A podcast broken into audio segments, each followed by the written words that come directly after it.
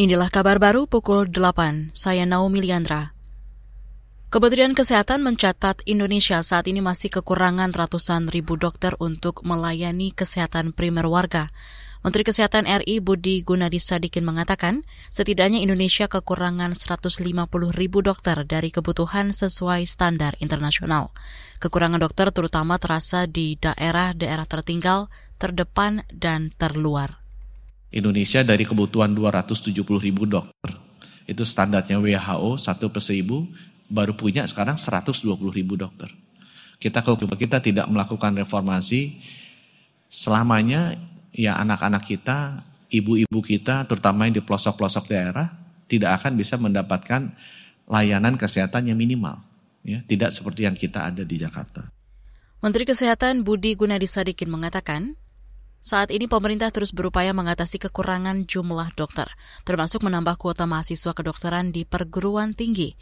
Ia juga menjelaskan untuk membenahi sistem layanan kesehatan, pemerintah mencanangkan enam transformasi kesehatan, di antaranya transformasi di layanan primer, transformasi di layanan rujukan, transformasi di sistem ketahanan kesehatan, transformasi sistem pembiayaan kesehatan, transformasi SDM kesehatan, dan transformasi teknologi kesehatan.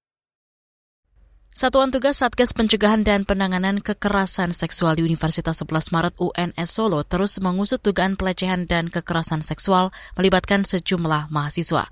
Laporan selengkapnya bersama kontributor Yuda Satriawan. Satgas Pencegahan dan Penanganan Kekerasan Seksual atau PPKS di kampus Universitas 11 Maret atau UNS Solo terus mengusut dugaan pelecehan dan kekerasan seksual yang melibatkan sejumlah mahasiswanya. Ketua Satgas PPKS UNS Solo Ismi Dwi Astuti mengatakan tim saat ini masih mengumpulkan bukti-bukti kasus dugaan pelecehan yang dilakukan mahasiswa berinisial AY.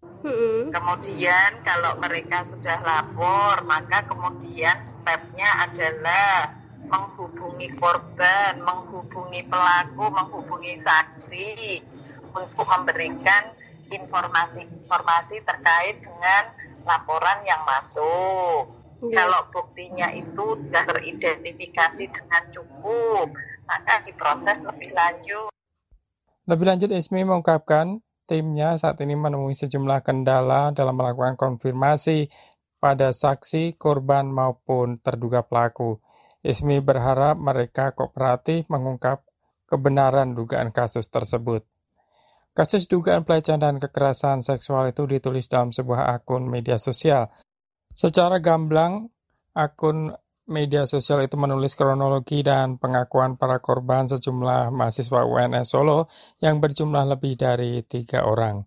Pelaku yang diduga pengurus BEM di salah satu fakultas di UNS Solo. Dari Solo, Jawa Tengah, Yudha Satriawan, KBR. Saudara, demikian kabar baru KBR. Saya Naomi Liandra.